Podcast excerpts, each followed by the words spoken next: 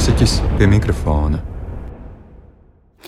Pie mikrofona jūs šobrīd uzrunā Anna Marta Burve, un man ir patiesi liels prieks satikties ar šīs dienas mūziķis pie mikrofona viesi, mūzikas un kultūras žurnālisti Aneti Ašmani. Sveika!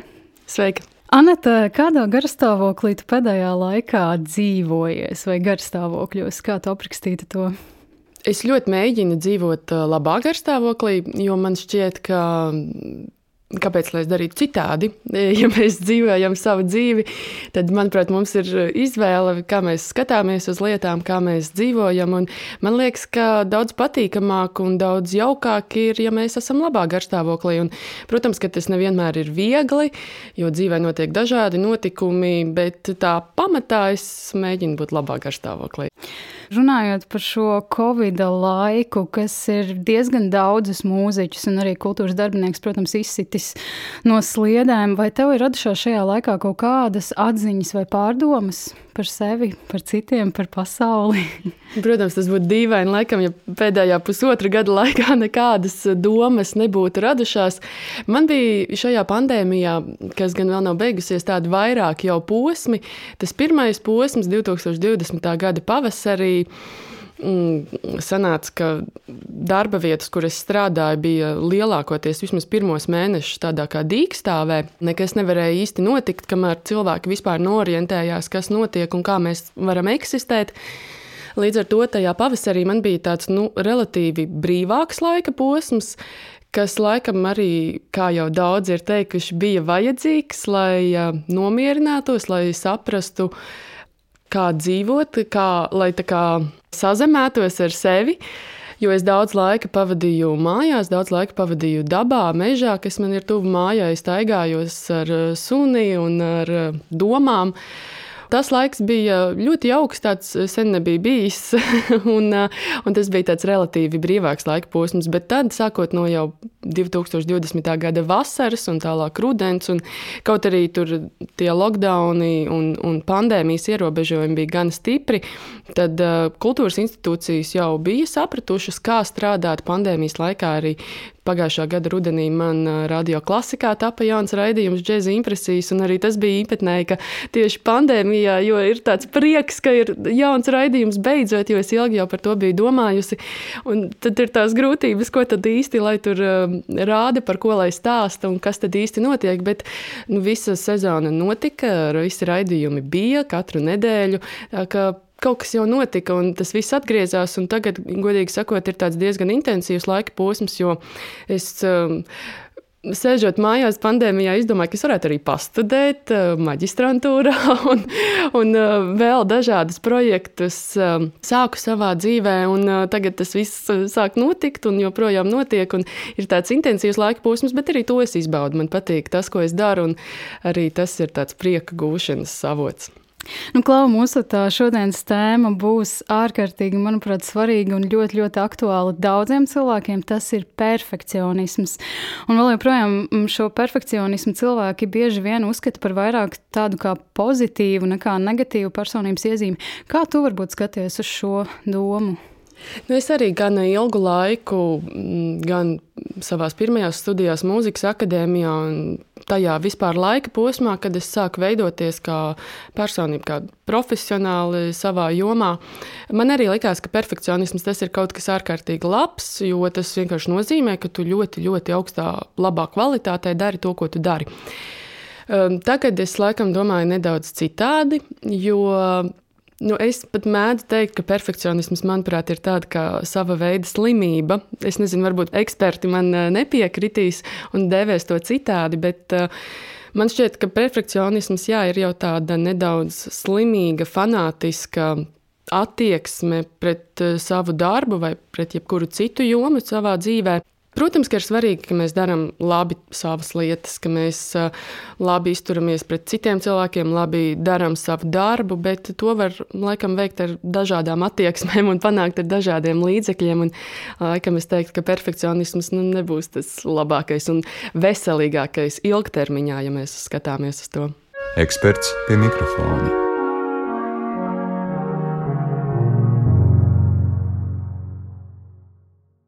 Vispirms, droši vien ir atkal jādefinē kas tad ir perfekcionisms un kas ir ambiciozitāte. Augstas ambīcijas ir veselīga lieta, bet perfekcionisms nē. Augstas ambīcijas tas ir tad, kad cilvēks izvirza sev augstus mērķus, kurus viņš spēj sasniegt, izmantojot sev piemītošos resursus, bet nepārdegot. Perfekcionisms ir nesamērīgi augstu prasību izvirzīšana pret sevi un centieni šīs prasības sasniegt par spīti jebkādiem ierobežojumiem. Un bieži vien šīs prasības tiek sasniegtas uz kādu citu ārkārtīgi svarīgu vajadzību rēķina, piemēram, uz miega rēķina, uz veselības rēķina, uz attiecību rēķina. Ja mēs domājam par mākslu, ambiciozitāte ir cilvēki, kam ir spējas un talants un gribēšana un varēšana. Viņi iegulda darbu un sasniedz tiešām tiešām nu, liels mērķus.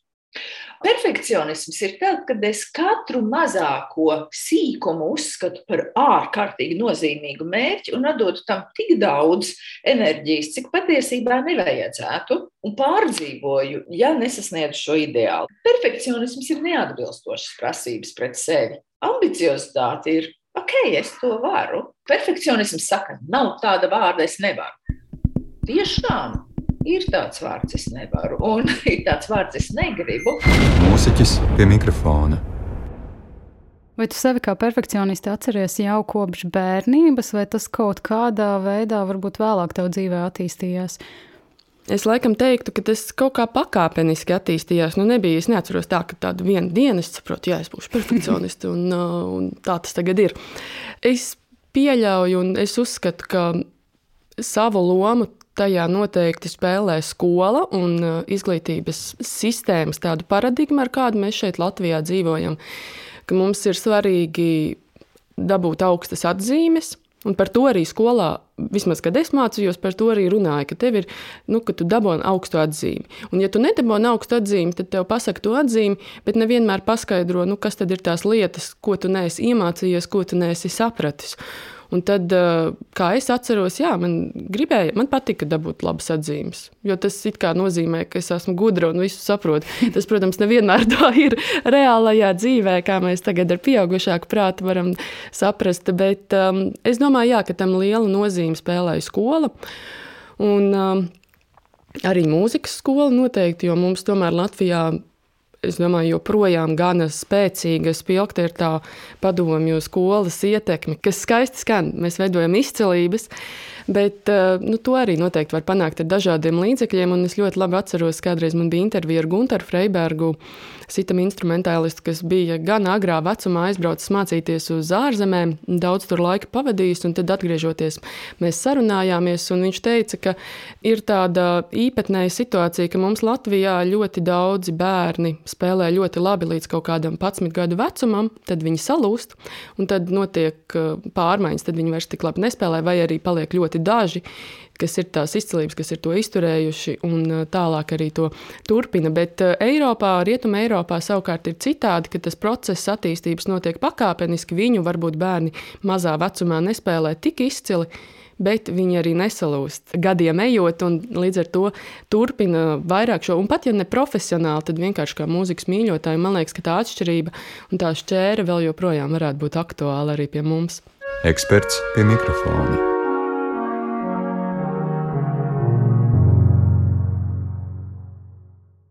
Perfekcionisms ietver visu vai neko domāšanu, iet tikai uz 100% rezultātu.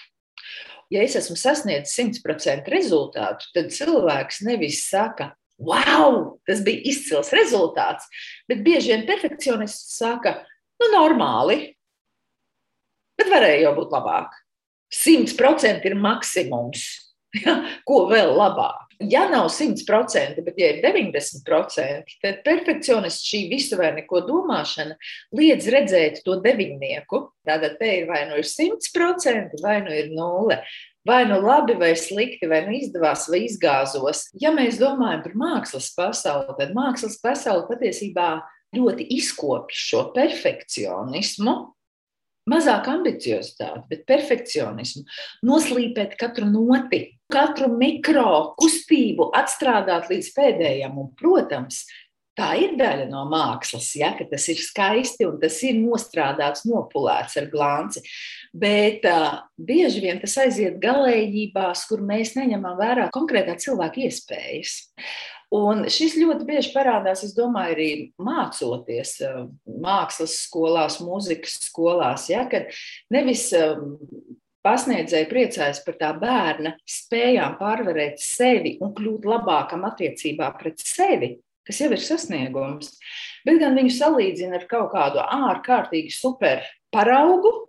Un kamēr tu neesi tik labs kā tas superparaugs, tu neesi labs.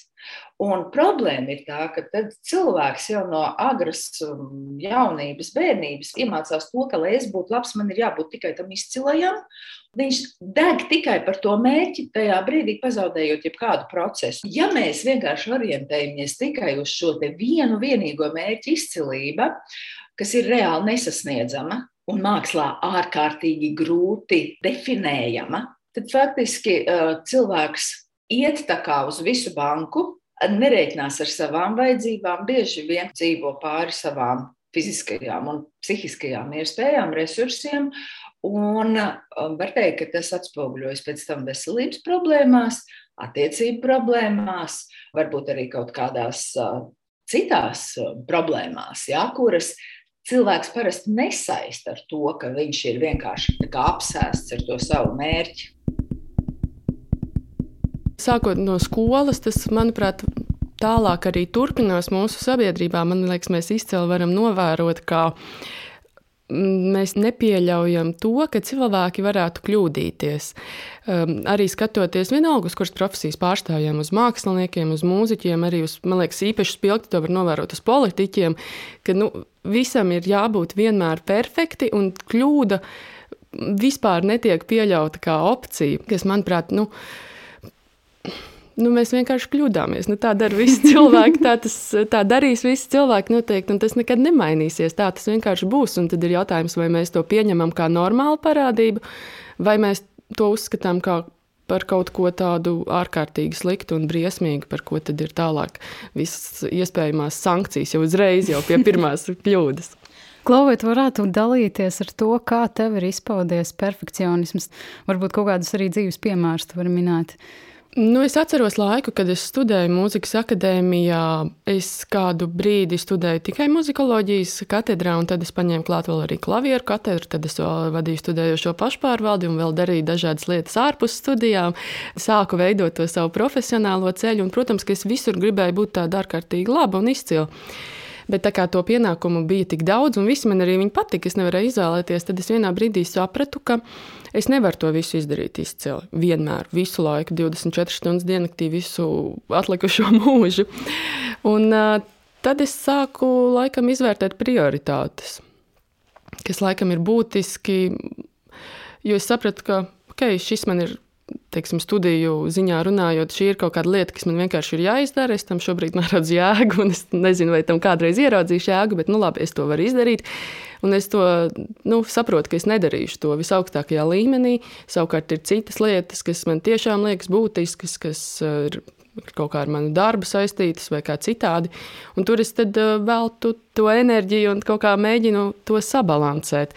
Tas bija tās pilkti, bet, protams, tas nenāca viegli, ātri un uzreiz. Lai es nonāktu pie šādas eh, domas, tur vajadzēja arī ieslīgt kādās eh, veselības problēmās, jo, ja tu mēģini būt perfekts absolūti visā, ko tu dari, tad, protams, tas prasa no tevis ļoti daudz enerģijas, ļoti daudz nervu un tu dažkārt aizmirsti par sevi vispār kā cilvēku, par kvalitatīvu miegu, uzturu, kustībām, kaut kādu sociālo dzīvi varbūt. Un tad, protams, ka tas kādā brīdī sāk eh, parādīties un atspēlēties uz tavu veselību.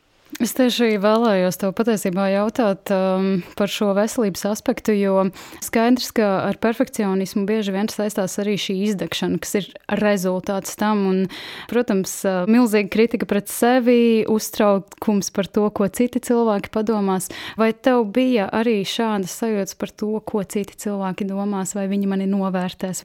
Nu, protams, jo it īpaši, manuprāt, jauniem cilvēkiem, kad tikai sāc to savu ceļu, arī profesionālajā dzīvē, ir ļoti svarīgi, nu, ko par tevi padomās tie apkārtējie cilvēki, vai viņi tevi novērtēs, vai viņi tevi vēlēsies eh, pieņemt darbā, vai viņi vēlēsies ar tevi sadarboties. Tā jau ir tāda gluži normāla doma, manuprāt. Tikai atkal jautājums, cik fanātiski vai nē, tu tam pieeji un pret to attiecies. Eksperts pie mikrofona.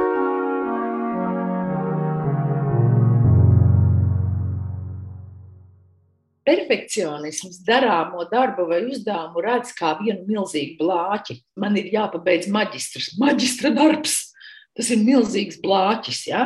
Un tā kā ir ārkārtīgi liels bailes kļūdīties, jo ir jābūt uz 100%, es nesāku to darīt. Eh, bieži vien perfekcionisti atliek darbus, ja? jo tas uzdevums ir tik nepanesams, ja, ka es labāk neķeros tam klāt. Tas ir viens, ja tā tad ir šī prokrastinēšana, jeb atlikšana. Un otrs, ka uh, grūtības redzēt dzīvi uh, un jebkuru darbiņu mazos soļos. Lai es uzrakstītu maģistra darbu, man vispirms ir tēma jāizvēlās, tad man ir darba vadītājs jāizvēlās, tad man ir jāizveido kaut kāds saturs, tad man ir jāsāk vākt informāciju. Tas katrs atsevišķais solis ir kā atsevišķs mērķis, ja? bet to cilvēku bieži vien neredz un sabrūk zem tā, man ir jāuztais izcils maģistrs. Mūziķis pie mikrofona. Kā ir ar šo veselības aspektu? Jo loģiski, ka perfekcionisms vispirms izriet no tā saucamā mentālā stāvokļa, vai tev ir bijis tā, ka tas attiecās arī uz fizisko veselību? Jā, un pie tam laikam vairākos pat veidos. Viens no veidiem, kas bija kā, pirmais, bija Man bija tādi regulāri galvas reiboņi, mm, tā ka uz desmit minūtēm pilnīgi melns gar acīm. Tās situācijas bija savā starpā nesaistītas. Tas bija aptuveni pusotru gadu, kura laikā es tur gāju absolūti pie visiem laikam, neiroloģiem, kardiologiem un citiem ārstiem, kas mēģināja atrast kādu fizisku vainu, kuru, protams, neatrada. Neatrada arī tām visām situācijām savstarpēji kaut kādu saikni. Uh, Un, tā parastā atbilde, ko neiroloģija man atbildēja, bija, nu, jums tāds stresains dzīvesveids. es teicu, nu, jā, tā varētu teikt. un tas bija tas viens veids, un tad otrs jau bija vairāk tāds fizisks, kad es nesakoju līdz savam uzturam, es ēdu nesabalansēti un visticamāk neregulāri un netik kvalitatīvi, kā vajadzētu. Un tad es biju pārāk tieva, un tas tur dažādas orgānu tur kaitis arī izraisa. Tad arī ārsti teica, teica, nu, jums vajadzētu vienkārši uzbaroties. Vai arī otrs variants, tur ir vai kaut kāda medicīniska manipulācija, kas izklausījās diezgan traki, un es teicu, labi, nu es pamēģināšu ēst. Ārprāts, bet uh, cik interesanti ir tas, ka mēs tiešām no tās kaut kādas prāta nostādnes, kas mūsos ir, nu, principā ieaudzināta, ka mēs varam sevi tiešām novest līdz tādam līmenim, ka ir jāsteigā pie šiem neskaitāmiem ārstiem. Un, nu, nelieksimies, tas ir arī ļoti dārgs process. Un, protams, vēl dārgāk tas ir arī tīri psiholoģiski, ka ir jādzer vai nu kaut kādi medikamenti, vai ir jāturpina staigāt pie ārstiem. Tas... Jo tu jau arī nesaproti, nu, runājot par to veģetatīvo distāniju, tu jau arī nesaproti, nu, ko tad tagad mainīt. Jo neviens jau tev, nu, tev pasaka, nu, tev stresains dzīvesveids, nu, ko man tagad sēdēt mājās un neko nedarīt. Nu, tā, jo es tā uztveru tās lietas, visas lietas par super svarīgām, un visas arī gribu paveikt ļoti labi. Un tad, jā, nu, tas process kā no tā iet prom nebija ātrs, tas bija arī vairāki gadi visticamāk. Un man šķiet, ka tur jau arī īsti laikam neviens tev nevar pateikt to pareizo recepti un nevar pateikt, kā tev tagad ir jādara un jādzīvo. Tev ir vienkārši nu, vai nu ātrāk, vai lēnāk, bet jānonāk pašam pie tā sava veida, kā tu uztver lietas, kā tu skaties uz to un kā tu dzīvo to mm. savu mhm. dzīvi. Un pēc tam arī tā pati veģetatīvā distonija, viņa jau ir kaut kas ļoti netverams. Tur jau ir tā lieta, ka tu vari iztaigāt neskaitāmus ārstus, bet nu, fiziski jau tev nav nekas. Nu, jā, fiziski viss ir kārtībā, nekādas kaitas netiek atrastas. Sirds strādā pareizi, nervi arī viss kārtībā. Vesels cilvēks. Bet eh, jūties tu pilnīgi pretēji. Kas tev palīdzēja pamazām, pamazām varbūt iznākt ārā no šīs prāta nostādes, ka jā, man ir jāstrādā un man ir jāizdara viss perfekti? Vai bija kaut kāds, nezinu, lūzuma punkts? Nu, tādu vienu lūzuma punktu konkrēti es laikam nevarētu pateikt. Kā es to procesu atceros, ka es vienkārši gana ilgu laiku, un nu, tā nosacīti gāju uz leju, lai arī varbūt eh, no ārpuses izskatījās, ka es ļoti eju uz augšu. Bet tad, eh, tā iekšēji un pēc sajūtām tas viss gāja uz leju. Līdz vienā brīdī nebija nekāda konkrēta lūzuma, bet es sapratu, ka, nu, ok, ja es tagad šitā turpināšu, nu, tad baigi labi tur vairāk nebūs. Jo nu, tur uz leju var, protams, vēl iet, bet tas jau būtu tā ekstrēmi. Un tad es sapratu, ka nu, kaut kas laikam ir jāmaina tajā domāšanā, uztverē, tajā, kā es skatos uz lietām. Bet tas arī nebija. Es nevaru teikt, ka tas būtu tādas ļoti milzīgas pārmaiņas, kad es būtu mainījusi visu savu dzīvi un pa 180 grādiem, un viss būtu tagad pilnīgi citādi. Nē, es vienkārši mainīju kaut kādas tādus atslēgas punktus, varbūt tādus skatu leņķus vai kaut kā tam līdzīgi. Jo nu, mēs ik viens uz katru lietu varam paskatīties ļoti dažādos veidos, un tad es laikam atradu vienkārši to citu veidu, kā paskatīties. Un tas notika pavisam dabiski, cik es saprotu. Tas nāca no tevis. Jā, Tā, tā tas visticamāk. Protams, ka apkārtējie cilvēki man palīdzēja, varbūt paši par to nezinot, jo nav jau tā, ka tu tur staigā apkārt un visiem stāsti par to. Bet, eh, ja tu sāc skatīties citādi, ja tu saproti, ka ir jāskatās citādi un sāc to darīt, tad eh, tas kaut kā organiski jā, atkal sāk tādā palēnā līknē kāpt uz augšu. Tā jā.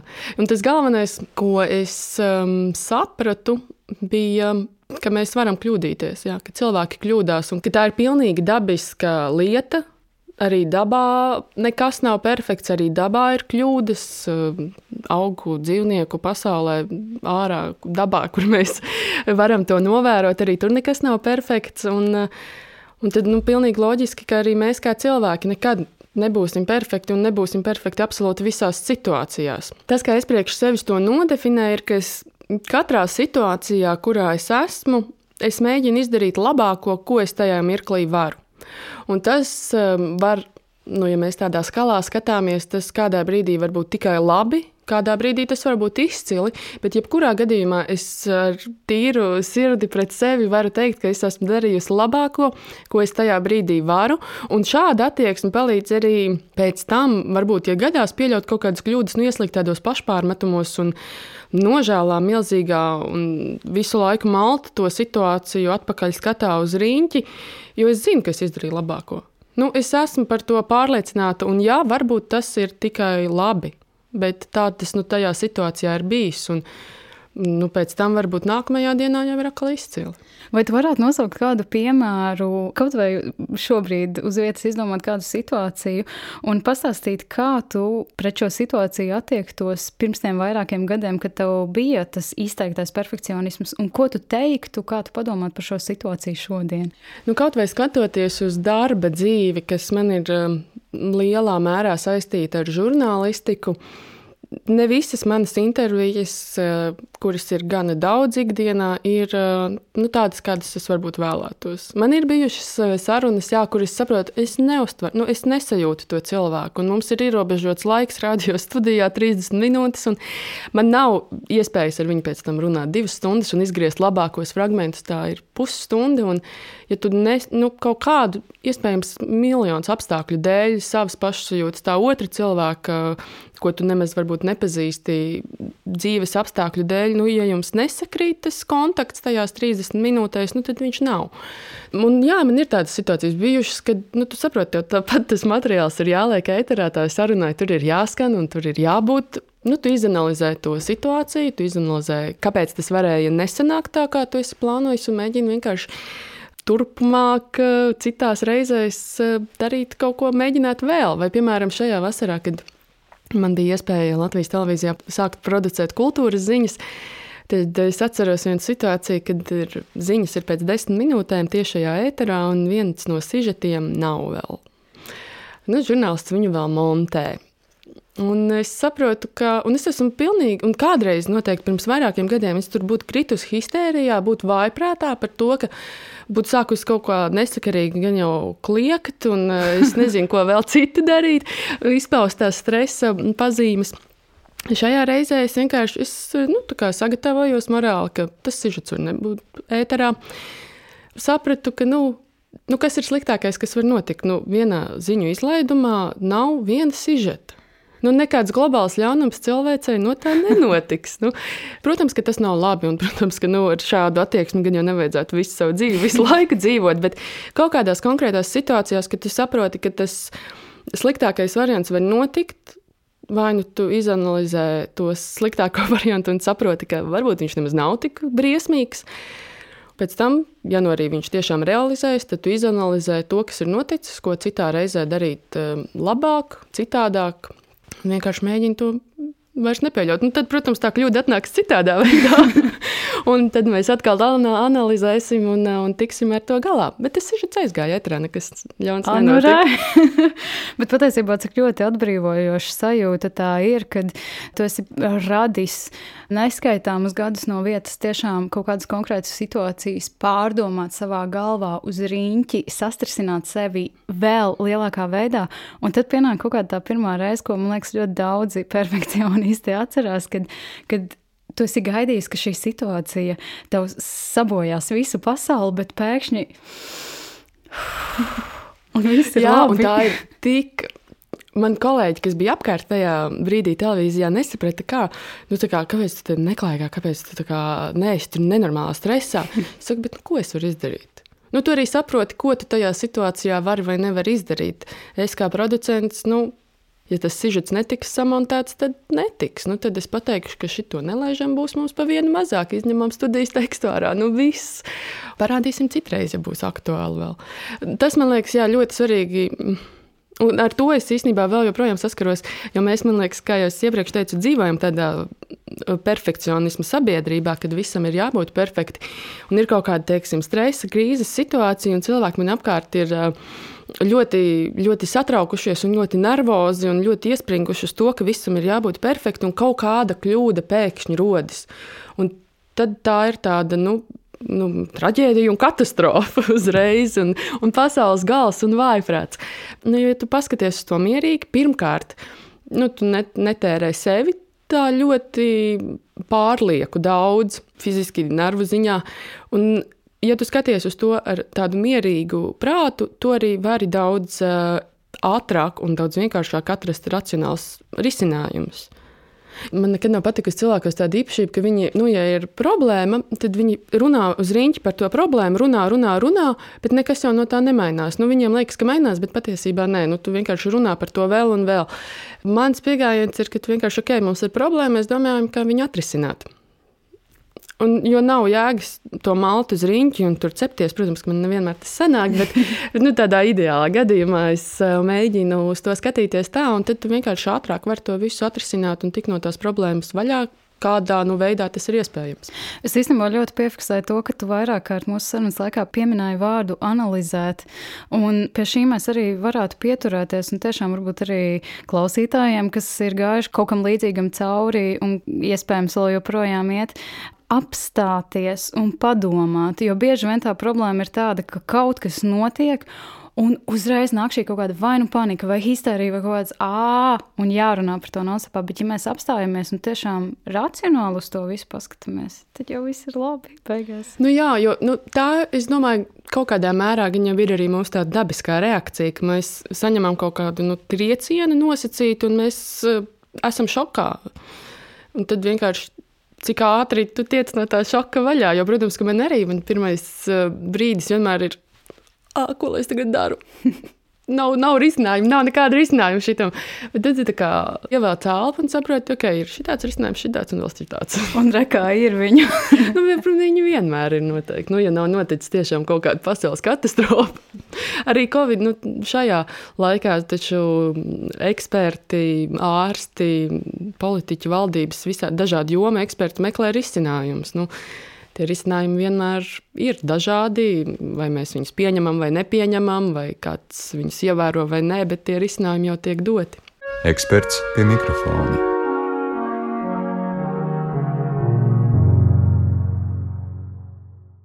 Ko darīt, ja cilvēks saprot, ka, hei, patiesībā es arī katram darbam ķeros klāt tā, it kā tas būtu vienīgais uzdevums manā dzīvē, un ka es jau sen esmu izsīcis, bet es joprojām turpinu sevi pātagot un, un iet uz arvien labāku rezultātu, bet bieži vien tas rezultāts kļūst sliktāks, jo es esmu izsīcis.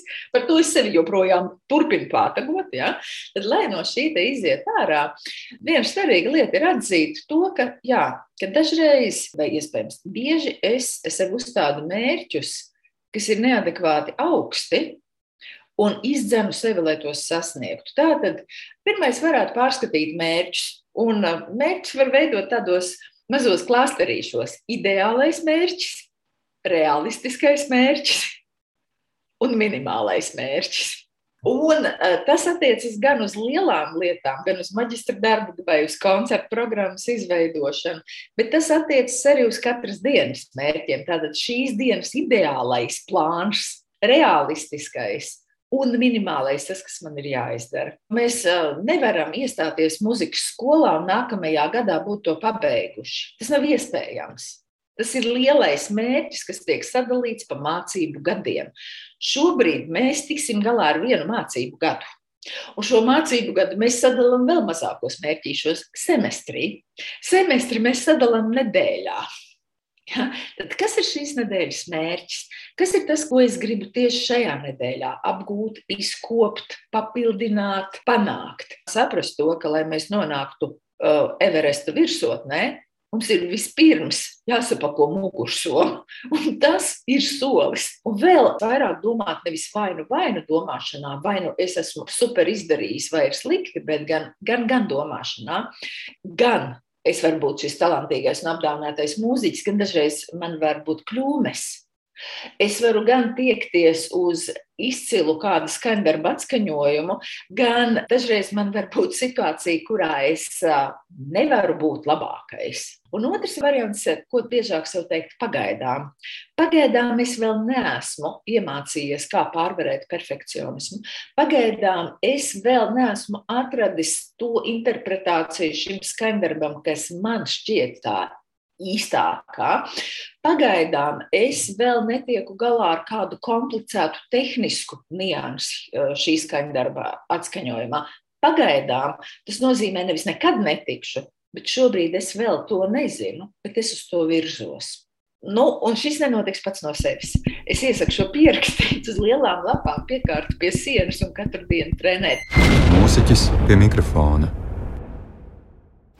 Mums īstenībā būtu vērtīgi parunāt arī par dubultajiem standartiem, jo tev bija viena tāda pieredze, kandidējot par prezidentu Latvijas studentu apvienībā. Vai tu varētu pastāstīt par šo, un tad jau mēs varēsim parunāt tieši par tiem dubultajiem standartiem. Jā, tas bija šķiet 2018. gads, um, pavasaris, kad um, Latvijas studentu apvienībā tika izsludināta kā gadu vakance uz prezidenta amatu, un Latvijas studentu apvienība ir tā organizācija, kas um, jau kā sociālais partneris gan izglītības ministrijai, gan arī valdībai pārstāv studējošo intereses Latvijā. Un tā kā es biju vairākus gadus vadījusi mūzikas akadēmijā, studējošo pašpārvaldi, bijusi senātā satversmes sapulcē, man šie visi jautājumi likās ļoti svarīgi, tad es eh, pieņēmu lēmumu arī kandidēt. Pirmajā reizē, kad es pieteicos, eh, es biju vienīgā kandidāte. Mm, līdz ar to visticamāk tie standarti bija ārkārtīgi augsti, eh, ko visi sagaidīja. Bet uh, es netiku ievēlēta, un tad tika izsludināta šī vakance vēlreiz. Es domāju, nu labi, nu es esmu gatavojusies tomēr, lai nu iet vēlreiz, jo es, tās idejas, visas, ko es prezentēju un kas man šķita svarīgas, jau nebija mainījušās. Un tie jautājumi man vēl joprojām likās risināmi.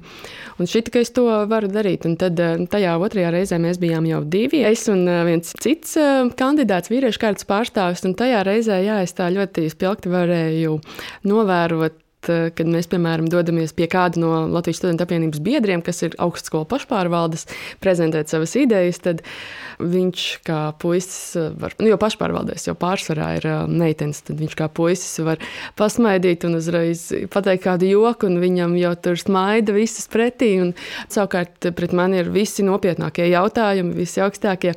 Tad es ļoti spilgti atceros arī vienas debates, kur mēs abi bijām. Un, Tur bija arī online iespēja kaut ko komentēt, anonīmi vai uzdot jautājumus. Tad, um, viņam tika uzdoti nu, tādi komentāri par viņa atbildēm, bija nu, tiešām profesionāli balstīti tajā, ko viņš ir teicis vai nav teicis, vai kā viņš domā, kāds ir viņa viedoklis. Nu, tad bija komentāri par mani, piemēram, nu, kāpēc viņai tāda žaketa. Kas liekas, nu, protams, um, nu, pirmajā mirklī nedaudz aizvainojoši.